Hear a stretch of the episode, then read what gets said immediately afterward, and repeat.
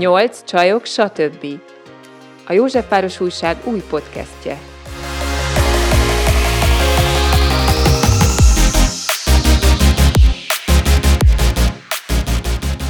Sok szeretettel köszöntjük a Nyolc csajok, stb. podcast hallgatóit. A mai témánk vagyis hát inkább úgy mondanám, hogy a mai napon a kereszténységről fogunk beszélni. Azt elmondanám, hogy néhány nappal vagyunk húsvét előtt, amikor felvesszük ezt az adást, és ezért is gondoltuk, hogy itt az ideje erről beszélgetni. És itt ül velünk Bolba Márta, Józsefvárosi evangélikus lelkész, és nem lehet kikerülni ezt a témát, hogy Mártát nem olyan régen ki Rekesztették. Kirekesztették, nem tudom mi a helyes kifejezés az, az ökumenikus imahétről. Mond, mond, úgyhogy... mond, mondd el te, hogy azért hallják hallgatók, hogy mi, mit akarunk kérdezni. Ökumenikus imahétről, úgyhogy ezt így röviden mindenképpen meg kell beszélnünk, hogy itt mi történt pontosan.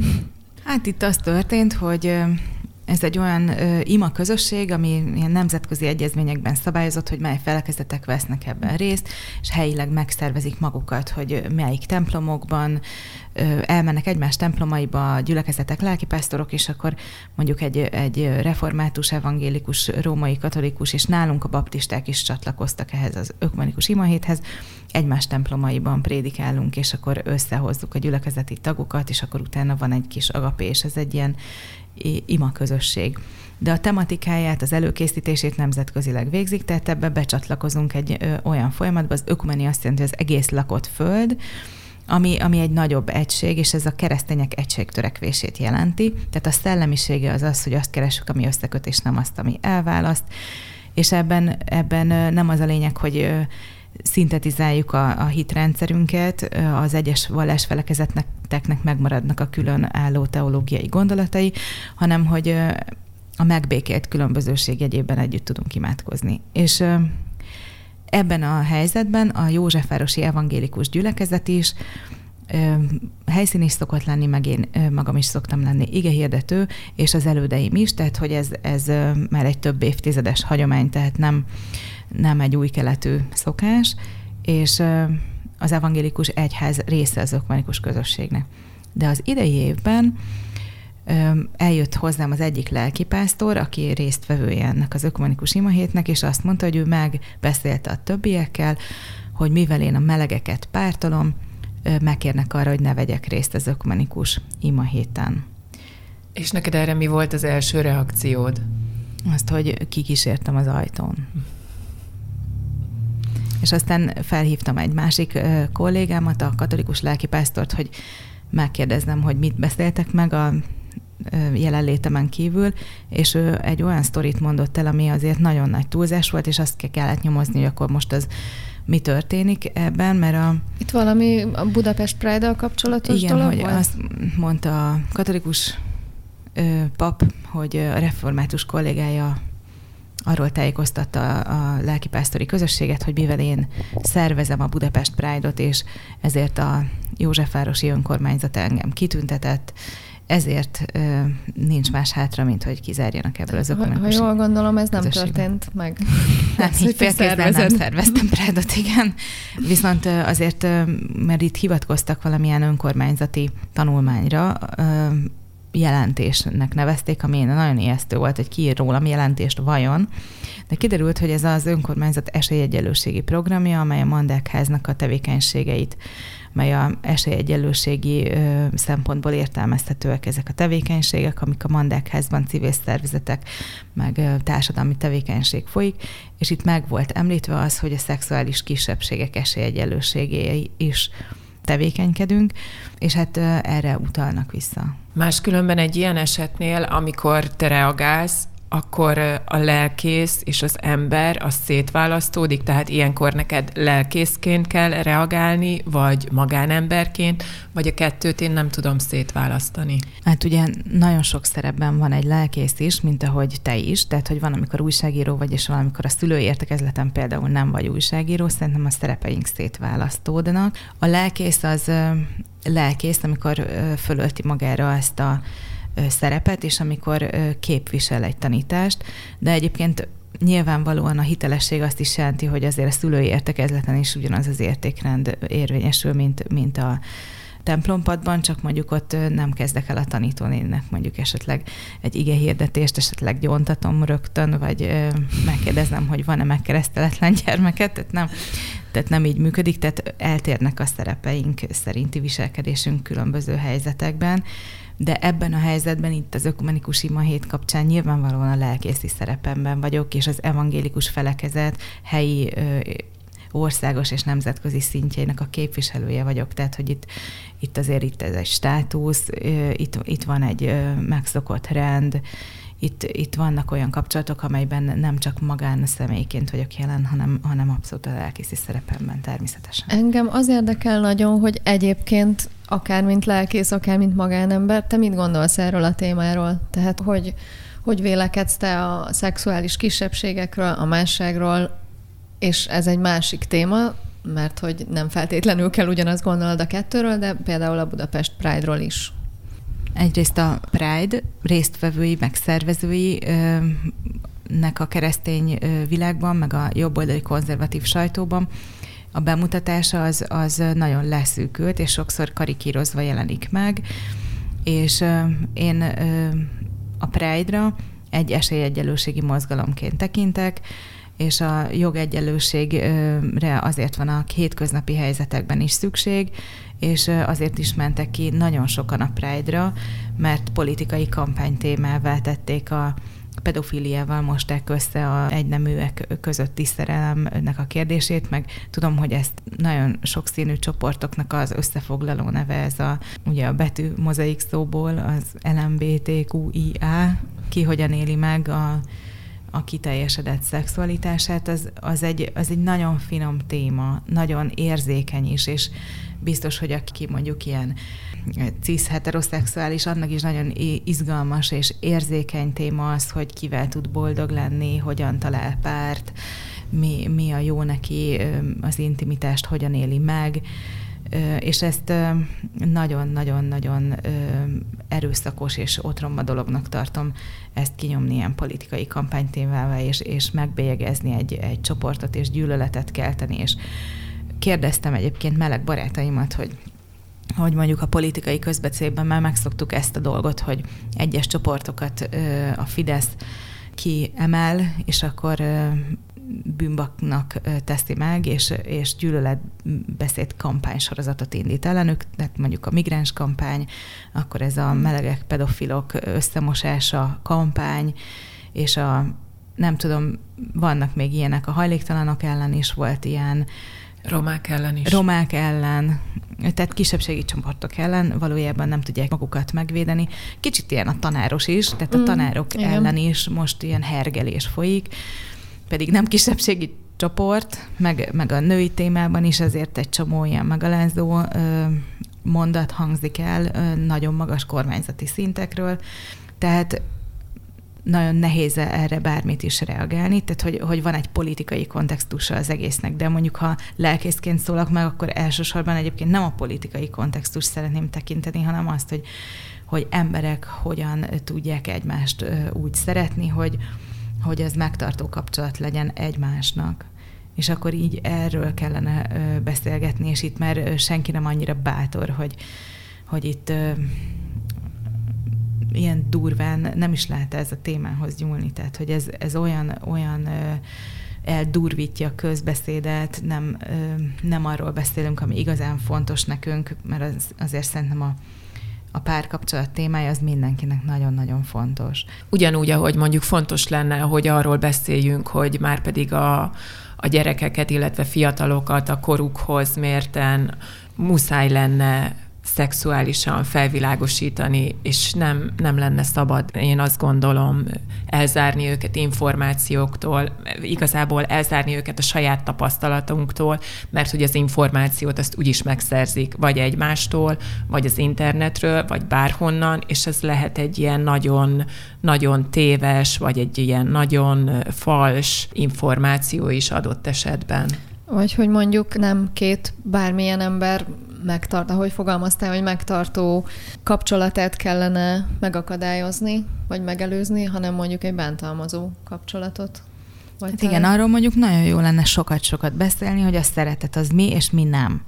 Tehát mondjuk a, a konszenzuális, ilyen tápláló szeretet kapcsolat, amelyben a két ember egyaránt ki tud bontakozni a kapcsolatban, jól működik közöttük a kommunikáció, és ennek lehet testi, lelki, szellemi, gazdasági, mindenféle összefüggése. Arról sok jó lenne beszélni, hogy e, mi az a kapcsolati típus, ami, ami megtartja ezt, hogy, hogy mondjuk táplálja benne résztvevő embereket.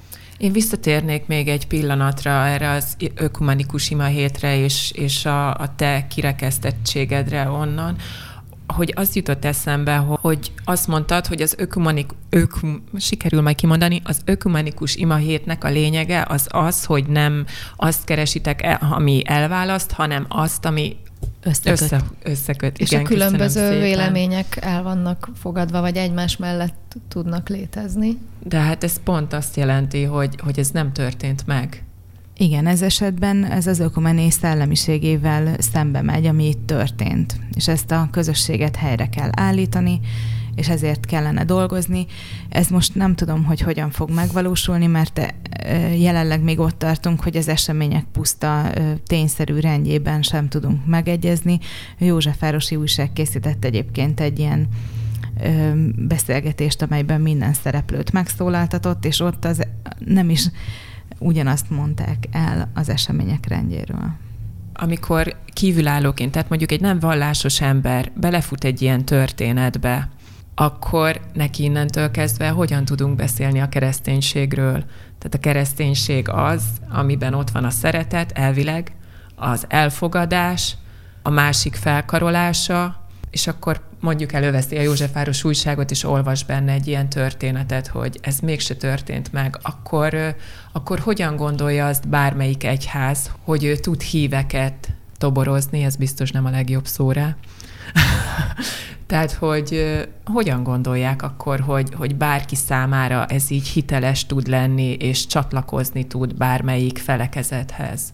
Ugye az ökumenikus mozgalom az pont egy ilyen hitelességi deficit miatt jött létre, mert elmentek misszióba régebben, tehát ez egy száz éves dolog, a másik földrészre akár, és bemutatták a kereszténységet az, azoknak az embereknek, akik még sosem hallottak róla. És elment a misszionárius, és nagyon-nagyon tetszett nekik az üzenet a szeretetről, és a Jézusi odaadásról, és Jézusnak a, a, a tettei, az üzenete, a tanítása, a cselekvése, amilyen szerető Istent és jó világot bemutat nekünk Jézus, amit elkészített nekünk az Isten, ez nagyon vonzó volt. Majd jött egy másik misszionárius, és elkezdtek akkor egy konkurens gyülekezetet felépíteni, és a kettő az európai ilyen erőszakos felekezeti villongást átvitték egy másik kontinensre, tehát aztán így rájöttek, hogy így így nem lehet, ez akadályozza a Jézusi küldetést, és hogy akkor meg kéne békélni egymásra, és ekkor, vagy ebből a, a gondolatból ö, bontakozik ki az ökumené, tehát pont a hitelességi deficitből, és ezért is nagy baj, ami most történt, mert ezzel visszaértünk oda, hogy valóban meg tudjuk találni, hogy ez mennyire fontos a hitelesség szempontjából. Igen, ez szerintem kulcskérdés. Másrészt pedig én azt mondanám, hogy, hogy tényleg nem, nem nagyon tudom megvédeni az egyháznak a, a, a esetlenségét, meg hibáját, a elavult szervezeti kultúráját akár.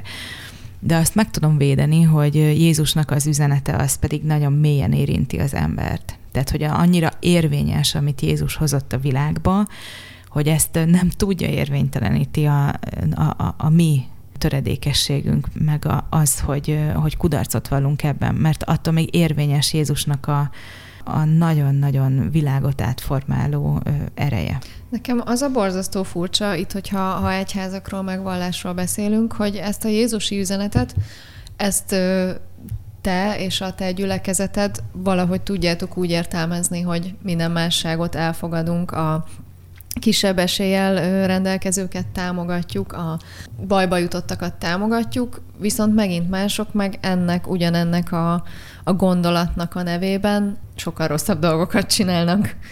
kirekesztenek, vagy bűnről és büntetésről beszélnek, vagy pokorra jutásról, elkárhozásról beszélnek, Elítélnek. hogy hogy lehet, hogy lehet ugyanezt a gondolatot ennyiféle irányba elvinni, hogy ez, ez hol romlott el? Hát egyrészt mi is beszélünk bűnről, és nem minden másságot fogadunk el. Hm. Tehát például a gyűlöletbeszédet és mások ellen úszítást nem fogadom el, bűnnek nevezem, nem fogadom el, nem simogatom meg, nem hm. gondolom, hogy ez helyes, nem bátorítom, hagyjuk abba tehát Jézus nagyon durvákat mond, amikor a kicsinyek, és a kicsinyek alatt mindenkit lehet érteni, ami mondjuk az ilyen hatalmi hierarchiában alul vannak, vagy kiszolgáltatott szerepben vannak társadalmilag, vagy életkorilag hm. gyerekek, vagy, vagy egyszerűen szegények, vagy, vagy hátrányban lévők, vagy kiszolgáltatottak, mindegy, kicsinyek, így nevezik. Milyen szép szerintem.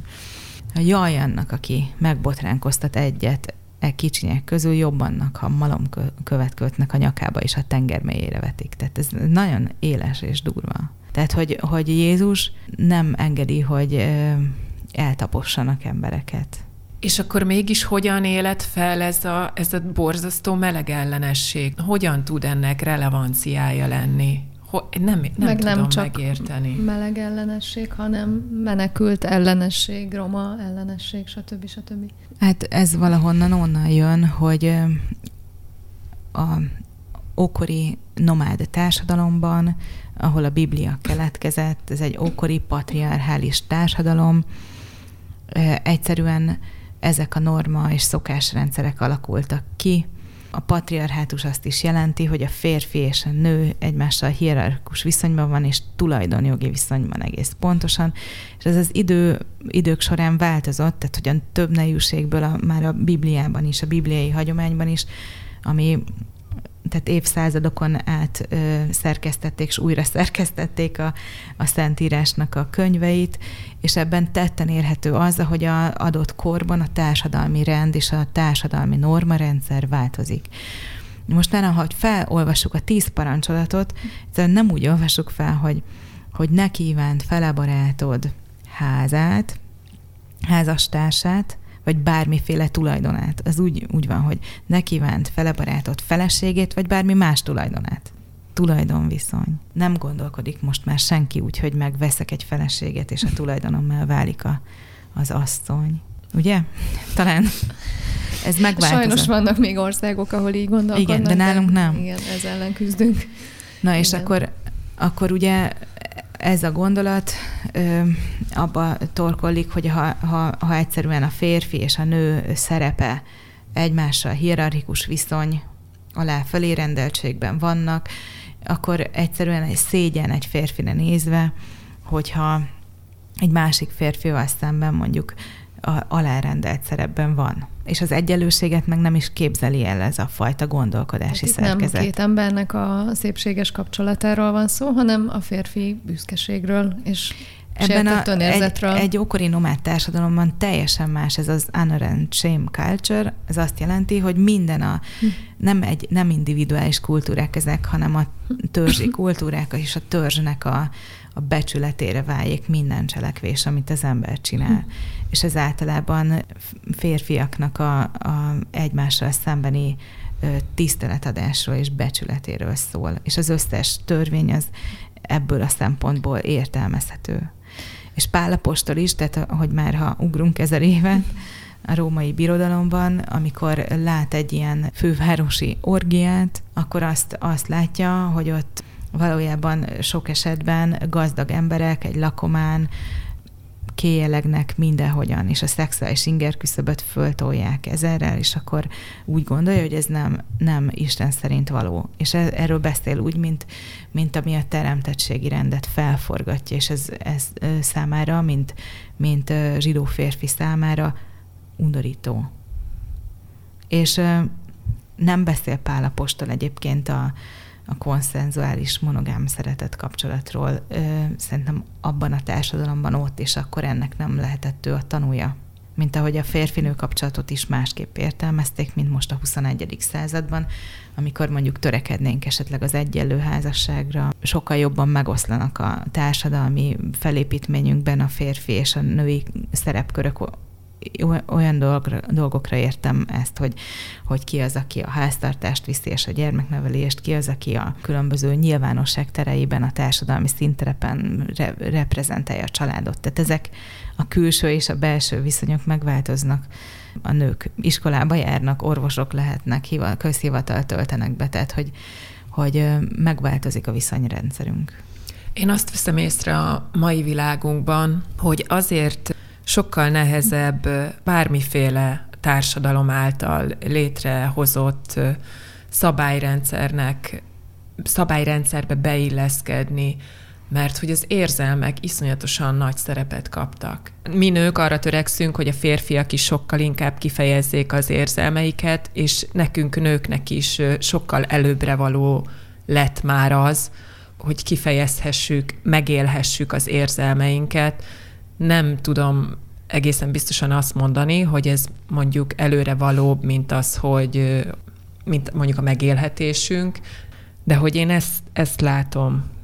Igen, de ez egy, a szerelmi házasság az egy, az egy nagyon új keletű dolog. Tehát hogy korábban Igen. a házasság az egy Vagyon. sokkal inkább egy vagyonközösség volt, és akkor öm, nem gondolom, hogy a régmúltban olyan nem tartottak az emberek szeretőt, vagy nem tudom. Tehát, hogy én nem, nekem nincs ilyen régmúlt nosztalgiám, hogy akkor mennyivel erkölcsösebbek voltak az emberek. Tehát, hogy, hogy csak más volt a társadalmi funkciója a házasságnak. Tehát, hogy a vállás nem egyszerűen olyan egyéni kockázattal járt, hogy ezt azért sem volt annyi vállás, mert egyszerűen elváltnak lenni, azutána nem, nem volt egy működőképes életforma.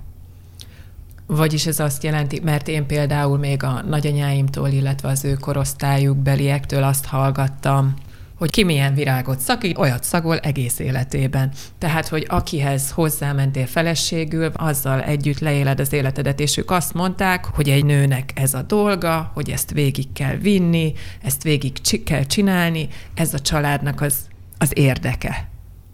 És ebben valószínűleg igazuk van, és ebben azért szép lenne az, hogyha lenne benne kölcsönösség, elmélyülő önismeret, egymás támogatása. Milyen szép az, amikor, amikor mondjuk a gyerekeknek tudunk olyan stabilitást biztosítani, ami két összetartozó embernek a, a, a hátországa, ami, ami egy ilyen összetartó közösség. Tehát, hogy, hogy igazuk van ebben, ha, ha az ideájainkról beszélünk, és nincsen igazuk, amikor a valóságnak a sokszínűségéről beszélünk, amikor egyszerűen az életvédelme az, amikor egy, egy kapcsolatot meg kell szakítani. Pontosan, vagy hát nem pontosan, de hogy erről beszélek, amikor azt mondom, hogy, hogy már nem feltétlenül a szabályoknak akarunk megfelelni, tehát nem annak akarok megfelelni, hogy elmentem a templomba, vagy elmentem az anyakönyvezetőhöz, és örök hűséget fogadtam, mert adott esetben 20x évesen nem voltam annyira tapasztalt, vagy nem voltam annyira felkészült arra, hogy, hogy azt, a, azt az eskütén akkor lehet, hogy abban a pillanatban, a, meg, tehát hogy az akkori tudásom legjobbja szerint hoztam meg, de nyilván egy csomó minden változik. Tehát, hogy ott az volt a szabályrendszer, hogy mert az anyám is végigcsinálta a házasságot, én is végigcsinálom a házasságot, mert ez a dolgunk, és ebben nem fért bele akkoriban az önismeret, amiről te is beszélsz, vagy, vagy nem fért bele az, hogy engem ver a férjem, és akkor, és akkor én elválok tőle. Most már sokkal inkább van mondjuk a nőknek is akaratuk, amit érvényre is tudnak juttatni. A vállásoknak például a felbomlása ilyen nagy számban ennek is betudható akkor? Hát igen, csak azt is meg kell nézni, hogy milyen arányok vannak az újraházasodásban. Mert hogy nem a házasság válsága ez tulajdonképpen, mert akkor nem kötnének az emberek új házasságot. Tehát a elváltak döntő többsége újra keres olyan kapcsolatot, ami, amiben ö, helyre tudja hozni a hibákat. És akkor most visszaértünk ehhez a bűn kérdéshez különben, hogy ez mi, mi a bűn, vagy tehát, hogy, hogy ha azt nézzük, hogy itt most azt mondod, hogy akkor a bűn az, hogyha ezt a régi szabályt megszegem, vagy, vagy tehát, hogy a, a, a házassági hűségi esküvent megszegem. Az is lehet bűn, hogy egyszerűen hűtlen vagyok önmagamhoz, az is lehet bűn, hogy annyit bántjuk egymást, hogy, hogy mindenki boldogtalan ebben az összezártságban, ez mind lehet bűn. Csak hogyha azt nézzük, hogy mi a bűn és mi nem, akkor, akkor egyszerűen e, eléggé e, differenciáltan tudunk ebben gondolkodni, és azt tudjuk, hogy bűn az, hogy, hogy Isten vagy nem Isten. Bűn az, hogy nem hisznek én bennem, ezt mondja Jézus. És ha azt mondjuk, hogy Jézus, aki a feltétel nélkül szerető Istent mutatja be, akkor bűn az, hogy nem bízni benne, elzárni magunkat a lelki erőforrásoktól, elzárni magunkat a mindennapos önvizsgálatnak a lehetőségétől. Mondjuk egy ilyen keresztény életformában ez nagyjából úgy néz neki, hogy az ember imádkozik, Bibliát olvas, elmegy a templomba, és ott történik velem valami, ami nem a formákhoz kötődik, hanem egyszerűen funkciójában törődik a lelkével, de nem úgy, hogy egyszer csak, amikor minden széthulik, akkor elkezd kapkodni, hanem életformaszerűen éli azt, hogy, hogy én Istenhez akarok tartozni, aki megtart engem, és akkor is, ha hibázom, akkor is vissza lehet hozzátérni. Luther Márton azt mondja, hogy a megtérés, tehát ez, amikor a, a, bűn az egy irányfogalom, a megtérés is ugye az irányváltást jelenti, hogy Isten felé, tehát a szeretet elmélyülése felé törekszik az életünk. Nem valami halál, meg megsemmisülés felé, hanem a, az Istennel való találkozás felé tart az egész élet, és ebben az útban haladunk előre. Irányfogalom. És azt mondja, hogy a keresztény ember egész életen naponkénti megtérés legyen, ami azt jelenti, hogy minden nap az ember helyreigazítja önmagát, elismeri a saját felelősségét a rontott helyzetekben, rálát arra, hogy ő nem tökéletes, hanem amikor a párja vagy a embertársai visszajeleznek neki, vagy a lelkiismerete megszólal, hogy hoppá, akkor az egy bűnvallási helyzet, és azt mondom, hogy nagyon sajnálom, elrontottam, másképp szeretném csinálni. És akkor ez életformaszerűen valósul meg. És ez az ideál megint. És ez töredékesen valósul meg. De így működne valahogy. Ahogy így hallgatlak, ahogy beszélsz ezekről a, a tanításokról, ezekről a gondolatokról, teljesen az van bennem, hogy hát én ezt mind el tudom fogadni, én ezzel mind egyetértek, ahogy, ahogy te prezentálod nekem, úgy, úgy ez az egész uh, biblia olvasás és, és a, a, az egyház tanításai szerint élés, az egy ilyen, ilyen mély önismeret, önismereti útnak hangzik nekem, amiben egy ilyen felnőtt felelősségvállalás is benne van a saját tetteinkért. Viszont ö, egyébként bennem, és szerintem még nagyon-nagyon sok ö, emberben ö, olyan képzetek vannak, így a vallásosságról, hogy ennek a teljes ellentéte, hogy áthárítom a felelősséget valaki másra, bármi rosszat csinálok, meggyónom, elmondok tíz miatyánkot, stb., hogyha rosszat csinálok, elkárhozom, hogy egyrészt az érdekel, hogy te milyen vallásos nevelést kaptál gyerekkorodban, amitől aztán most így gondolkodsz, és hogy miért adnál a saját gyerekeidnek, és hogy szerinted most egy mai, mai fiatalnak mire van ezekből szüksége, és hogyan, hogyan, hogyan találhatja meg ezt az utat, vagy hogyan lehet őket erre az útra terelni, hívni? Hát egyrészt én a gyülekezetben tartok gyülekezeti hittant, még öt kollégámmal, mm. hittantanárokkal, önkéntesekkel, gyógypedagógussal, pedagógussal, kertésszel, teológussal, hittantanárral együtt, egy olyan közeget teremtünk a gyerekeknek, amiben jó biztonsággal felnőni. És akik a, azok a gyerekek, akik, akit mi, mi nevelünk az egészséges Isten kapcsolatra és szeretet kapcsolatra, azok nem egy fenyegetésben nevelkedik a hitük, vagy egy bűntudatkeltésben, hanem egy ilyen őszinte, biztonságos, szeretetteli közegben, ahol az Isten jó, az élet jó, élni jó, kapcsolódni és jó. ahol azt gondolom, hogy szabad hibázni szabad hibázni, és szabad beismerni, hogyha mhm. hibázunk. Tehát, hogy a, szabad felelősséget is vállalni, és utána megy tovább azért, mert hogy megbocsátani is szabad. Tehát, hogy így, így állnak helyre a kapcsolatok. És ez gyógyul, hogy, hogyan nézett ki nálad? Most már nagyon érdekel, hogy milyen volt a te gyerekkori vallási nevelésed? Hát egyrészt én nem, nem jövök keresztény családból, de, de a kultúrában az embert elérik ezek az impulzusok, és én gyerekként nagyon kis nyitott voltam ebbe az irányba, és elkezdtem járni a gyülekezetünkben, az evangélius gyülekezetben egy ilyen az is pénteken volt, játszóháznak hívtak, egy német lelkész vezette ezeket, egy olyan alkalomra, ahol, ahol az a lelkész azt tudta nekem bemutatni, hogy ami gyakorlatilag most így a kötődő nevelési stílus, vagy ez a restauratív technikák ilyenekkel uh-huh. szokták ezt így fémjelezni, de én, én akkor gyerekként nem tudtam ám ezeket a szavakat, hogy erőszakmentes kommunikáció, uh-huh. élménypedagógia, és szóval, nyilván a gyerek így oda megy, és azt érzi, hogy ott jó lenni, és ez biztonságos, és hogy, hogy nem bántanak, nem kiabálnak velem, vidámság van, és, és ott van Isten, és együtt énekelünk, és mindent el lehet mondani,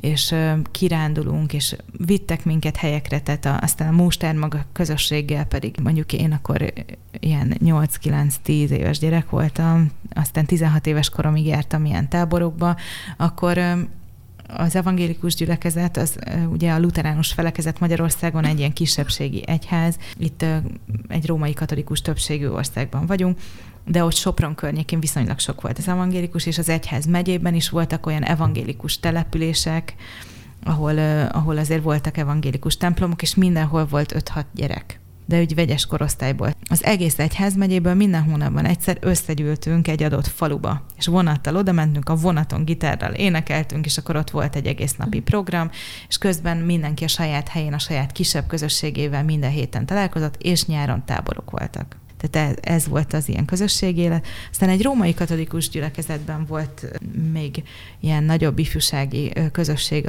ahol nagyon sok szabadidős programot szerveztünk magunknak, és akkor minden vasárnap este volt egy mise, arra is jártam, és egy evangélikus nyolcasztályos gimnáziumba jártam, ahol pedig az evangélikus szellemiség az egy gyermekeket szerető és tisztelő és okos, az értelmet és a hitet összeegyeztetni tudó gondolkodásmód. Tehát, hogy az egy ilyen nyitott szellemiség, amelyben egy abszolút egy egészséges lelkiséget, egy támogató közeget tapasztaltam meg, ahol a hit és az értelem az kéz a kézben járt, tehát nem zárta ki egyik a másikát, és ilyen egészséges lelkület volt, és ott is nagyon szerettem lenni, és én mindig lelkész akartam lenni, mert láttam azt, hogy ezt a közeget megteremteni az érték, mert ha közeget teremtünk, ezek a pénteki hittanok is most ilyenek, hogy hogy azt tudjuk, a leg... egyszer volt egy olyan, hogy a gyerekek a belső körben egy nagy asztal körül így ültek, 15 gyerek, és a szülők a külső, külső körben is együtt énekeltünk.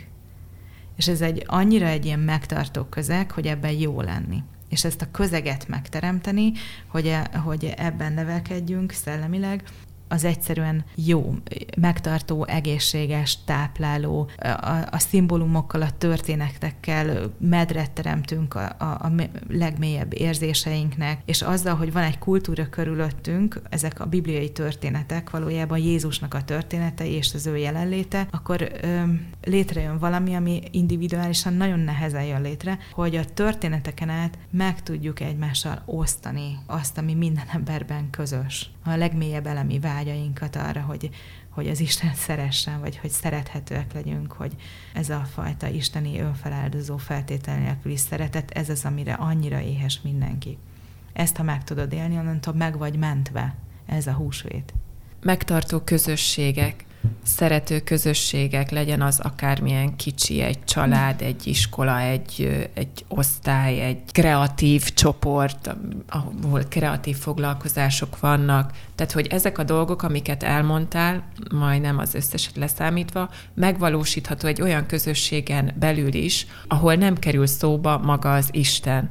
De akkor, ha jól értem, azt mondod, hogy ettől függetlenül ez bennünk van, ez benne van a kultúránkban, ez körbevesz minket, tehát hogyha nem is beszélünk magáról, Istenről, attól még köré szervezzük ezeket a közösségeket? Igen, mert nem csak a kultúránkban van benne, mert a kultúra is már a vallás talaján létrejövő valami. A kultúra az változik is, meg nem tudom, de egy vallás hoz létre kultúrát, és a vallás pedig táplálkozik valamiből, amit úgy hívunk, hogy teremtettség, tehát ahogy össze vagyunk rakva, vagy ahogy Isten megalkotott, megálmodott, és ha azt mondjuk, hogy egy szerető Isten szeretetre alkotja az embert, és, és mindent a kapcsolatiságra és a szeretetre építünk fel, akkor ez teremt kultúrát.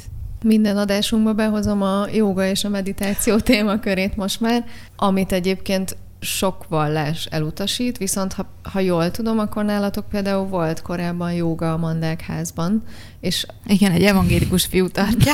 Az a kérdésem, hogy a, a meditációról, a spiritualitásról mit gondolsz? Mert ahogy így beszéltél róla, és, és a végén mondtad ezt a kvázi egységélményt, ami így minden emberben benne van, amihez mondjuk spirituális emberek azt gondolják, hogy nem is feltétlenül muszáj, hogy ezt vallásnak hívjuk, vagy legyen körülötte egy egyház, hanem hogy ezt a közös ilyen egységérzésünket keressük mondjuk egy meditáció által, és ahogy beszélsz róla, nekem a, a közös imádkozás, vagy, vagy akár az egyéni imádkozás, az egy ilyen hasonló rutinnak tűnik, mint a meditáció. Igen, mert ezek technikák, igen. Igen. Hogy, és a technika az...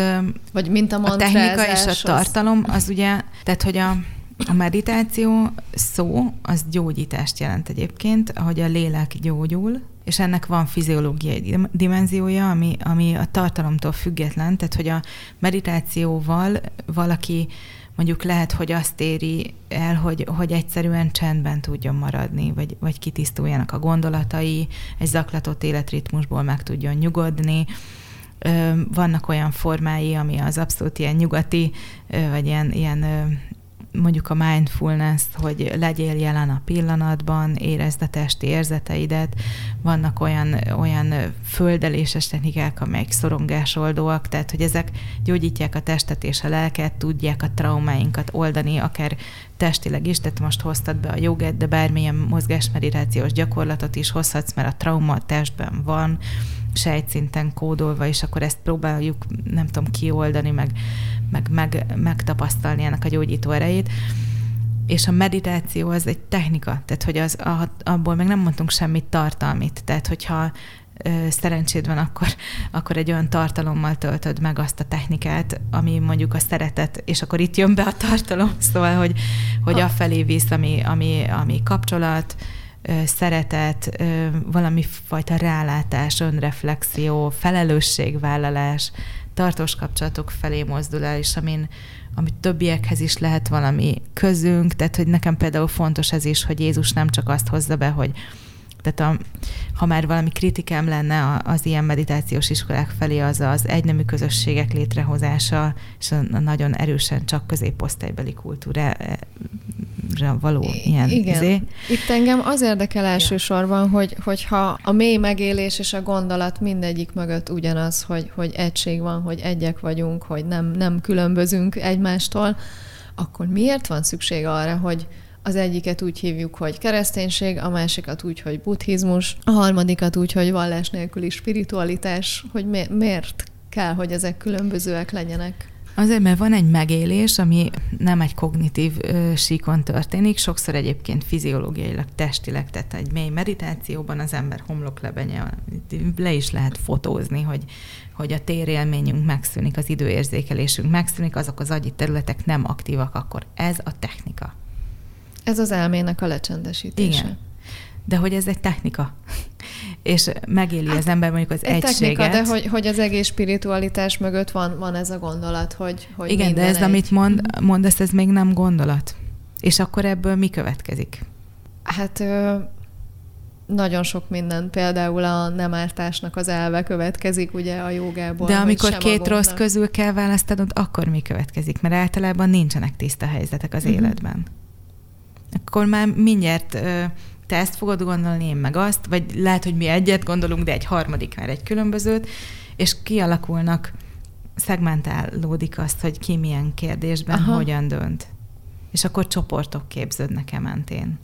És nem lehet az, hogy, ebb, hogy egy ö, adott szituációban így döntök, egy másik szituációban úgy döntök, és nem kell mondjuk oldalt választanom? De hogy nem, ezt nevezik mondjuk felnőtt felelősségnek, igen, de mindenkit bátorítani. Van egy olyan teológus, úgy hívják, hogy Paul Tillich, az egzisztencialista filozófiát ültette át a, a keresztény gondolatkörbe, vagy fordítva, tehát a keresztény gondolatvilágot próbálta a filozófiai nyelven kifejezni. Ő neki van egy ilyen kis könyvecskéje, olvassátok el, az, az a cím, egy létbátorság. És ez a szabad döntésről szól, hogy egyszerűen az ember dönt, felelősen Isten előtt, jó lelkiismerettel, és azt mondja, Luther ilyeneket mond, itt állok, másként nem tehetek, Isten engem úgy segéljen. És dönt. ez a szabad ember, felnőtt ember. De hogyha például az evangélikus vallás gyakorlod, akkor egyértelmű ez a döntés minden helyzetben? Ez ad egy ilyen segítséget, egy támasztékot, vagy te attól még ugyanúgy kell, hogy végigmenj ezen az önismereti úton, ugyanúgy kell, hogy minden egyes szituációban magadban néz, és megrág magadban az, hogy most akkor mi ebben a helyzetben a Jézusi út, vagy ez mindig egyértelmű? Az evangélikus felekezet az különösen is nagy hangsúlyt fektet a felnőtt ember felelősségére. De ez egy Isten előtti felelősség, amiben éppen a kapcsolati dimenziója ott van, ami, amit most kérdezte a spiritualitást, imádságot, tehát, hogy, hogy például ott van az a forma, hogy lehet imádságban meghozni egy döntést. Lehet bevonni a döntésbe valakit, aki segít ebben. Tehát megbeszélni valakivel. Lehet ö, azt mondani, hogy hogy az ember életformája szerint olvassa ezeket a Jézusi történeteket, és egyszer csak megszólítja őt a, a szentírási történet az igén keresztül, vagy az igen magyarázaton keresztül, igen hirdetésen keresztül. Egyszerűen történik egy csoda, és az ember jut egy felismerésre. És aztán néha a hibás következtetésre, és ez is a felelősségnek a velejárója, hogy néha meg rosszul döntünk, és akkor meg a hibánk, bűnünk felelősségét kell elhordozni, és akkor itt jön be a megbocsátás, és az újrakezdés is. Tehát, hogy az ember nem, nem azt, Isten nem azt ígéri, hogy az ember nem fog hibázni, hanem azt, hogy, hogy aki Isten előtt felelősen próbál dönteni, bátran, a hit bátorságával, az lép egyet, halad egyet előre, és aztán, ha pedig rosszul dönt, akkor bocsánat kér, és felelősséget vállal. Ez így, valahogy így működik. Akkor tulajdonképpen elége a hit számunkra, vagy szükségünk van hozzá vallásra, tehát szükségünk van-e hozzá keretekre? Kell ezt mindenféleképpen én, én, keretezni? Én úgy, ugyanezt kérdezem, hogyha ha minden, amit elmondtál, azzal én száz százalékban egyet tudok érteni, e szerint élem az életemet, csak nem a lelkészemhez fordulok, hanem a terapeutámhoz, és nem imádkozom, hanem mantrát mondok, tehát hogy, hogy szinte, szinte ugyanez, csak mondjuk a Bibliára nincs szükségem ehhez, vagy arra nincs szükségem ehhez az úthoz, hogy Jézus életét ismerjem. Oké, okay, nem oké. Okay. Mit gondolsz erről? Erről azt gondolom, hogy, hogy így könnyű, mert benne vagy egy kultúrában, amit létrehozott egy vallás. Tehát, hogy így Aha. after. Szóval, hogy, hogy ezek a technikák, amiket most terápiának nevezünk, például benne van az az érték egy terápiában, hogy minden terápia azon alapul, ami azért egy mélyebb alapelv, hogy biztonságos, feltétel nélküli elfogadó szeretet közegben az ember egy ilyen beszélgetésben gyógyul. Tehát azt De ezt mondod, nem ő hozta létre. Ezt, ezt, a, a... ezt a nyugati kultúrkört nem hozta volna létre a keresztény vallás, akkor ma nem itt tartanánk, és valójában aki aki tagadja a vallást, és azt mondja, hogy én aztán elhatárolódom minden egyháztól, és én a spiritualitáshoz fordulok, meg a meditációmhoz, meg a terapeutámhoz, ő is. Vallásos. Hát gyakorlatilag én, igen. én azért nem azt mondtam, hogy vallásos, mert De a vallásnak hogy a van vallás egy formavilága. által létrehozott keretek adják meg neki. Ebben a kultúrában élünk, és, és ezt akkor tudod meg a legjobban, amikor átkerülsz egy másikba, és akkor ott mások lesznek a keretek. Tehát, hogy egyszerűen annyira furcsa volt most kereszténységről beszélgetni egy iráni fiúval, uh-huh. és, és ő annyira erős kontrasztba tudja állítani ezt a kettőt. Például ez nagyon egyszerű dolgot, hogy asztalközösség, nagy csütörtök, holnap lesz. Jézus utolsó vacsorája, ez a testamentuma, új szövetség. És azt mondja, hogy minden nép fiai közül itt lehetnek az asztalnál. De vannak olyan kultúrák, amelyek tiltják a más vallásúakkal a közös étkezést. Tehát nem mondhatjuk, hogy minden vallás ugyanazt mm. tanítja, mert hogy minden egy, és nem tudom. Tehát, hogy ez az iráni fiú, ha nem ölnék meg rögtön, amikor átlepi az ország határt, mert a muszlim hitehagyás az akkor Iránban éppen a mostani jogszabályok szerint halálbüntetés, nyilvános kivégzéssel jár együtt, akkor is, ha rokonai együtt étkeznének vele, nem imádkozhatnának a közös étkezésük után, csak akkor, hogyha elmegyek egy paphoz, és egy tisztulási szertartáson átmennek, hogy megtisztuljanak attól a tisztátalanságtól, hogy egy ö, nem muszlimmal esznek együtt. Ez, ez ma, mai Irán. Tehát ez a, ez a srác, amikor Jézusnak a tanításait elfogadja, és azt mondja, hogy az asztalközösség, Jézus azt mondja, hogy nyitott az asztalközösség, és feloldja a tisztasági szabályokat az étkezésben, azzal közösséget teremt. És mi azt hiszük, hogy ez, ez már semmi, vagy nem tudom, mert ebben élünk. De azért élünk ebben, mert Jézus ezt megnyitotta. És ez akkora felforgató dolog volt, például ez, hogy megérinti az érinthetetlent Krisztusban a, a, a földre jött Isten, megérinti és bevonja a közösségbe. Az egy akkora, nem tudom, felforgató, új világot teremtő erő, amit nekünk hagy testamentumként ez az örökségünk Krisztusban. Nem biztos, hogy érzékeli a, a hal, hogy vízben úszik, de ebben élünk és mozgunk. Itt a muszlim vallás az, ami ami ennyire kemény kereteket szab, és ezt mondja, vagy pedig az emberek, akik ezt gyakorolják, és esetleg félreértelmezik, ahogy az azért a kereszténységgel is eddig sokszor megtörtént. Igen, csak itt megint azokról az alapelvekről beszélünk, hogy, hogy egyszerűen Jézusban nem lehet többet az Isten nevében erőszakot elkövetni. Mert, mert uh-huh. az erőszak elszenvedőjévé az Isten. Tehát Krisztusi ember nem csinálhat Isten nevében erőszakot, mert ő Tehát, az erőszak igen, de csináltak ugye nagyon sokszor. Jó, de mm. megint csak meg de hogy ugyanez, a, csak az, az a, a vallás, hogy... az a religió, religere azt jelenti, uh-huh. hogy újra olvasni. És megint kikötünk a történeteknél, hogy, hogy a, azzal tudjuk korrigálni, hogy, hogy újra olvassuk a történeteket. És lehet azt mondani, hogy, hogy ettől elmozdulnak az emberek, és azt is lehet mondani, hogy egy megújulásra van szüksége az adott vallásnak, de arra nagyon nagy szüksége van is. A keresztényeknek is ezt mondom, akik például fenyegetéssel akarnak valakit hitre ébreszteni, mondjuk akár az örök tűz fenyegetésével, vagy a pokolbéli szenvedésekkel, hogy ez nem a Krisztusi út, tehát hogy Krisztusban az Isten nem fenyegetéssel von magához, hanem azzal, hogy meghív az asztalához, táplál, és feltétel nélkül szeret. Szerintem rosszul tettem fel a kérdést, mert még nem azt a kérdést, nem, ez, ez a válasz is kellett, de hogy nem arra válaszoltál még, szerintem rosszul kérdeztem, hogy, hogy ez a vallás, amiről beszélünk, a, a muszlim vallás, hogy az ő könyvük a, a Korán, ugye? Maga a Korán fogalmaz meg olyan dolgokat, amik erőszakra adnak lehetőséget, és azzal van a probléma, vagy csak a félreértelmezése zajlik. Tehát, hogy, hogy rosszabb az a, az a vallásrendszer, mint a, a kereszténység, vagy csak, csak félreérthetőbb, hogy az van, hogy beszélgetünk ezzel az iráni fiúval, akit nagyon sokat kínoztak muszlimok. Én meg neki védem a muszlim vallást, ő pedig mondja nekem, hogy higgyem el, hogy azok gonosztevők. Mm. És nyilvánvalóan ő abból beszél, hogy őt éppen megkínozták egy tömlöcben, és onnan ö, túlélt. Tehát, hogy nyilván ebben a kínzási tapasztalattal ő nem, nem túl sok jót gondol erről és bárkit, akik keresztények megkínoznak, akár úgy, hogy lelkileg spirituális abúzust szenved el, vagy lelkileg bántalmaznak a saját lelkivezetői vagy papjai, hát utána nem sok jót gondol az adott vallásról.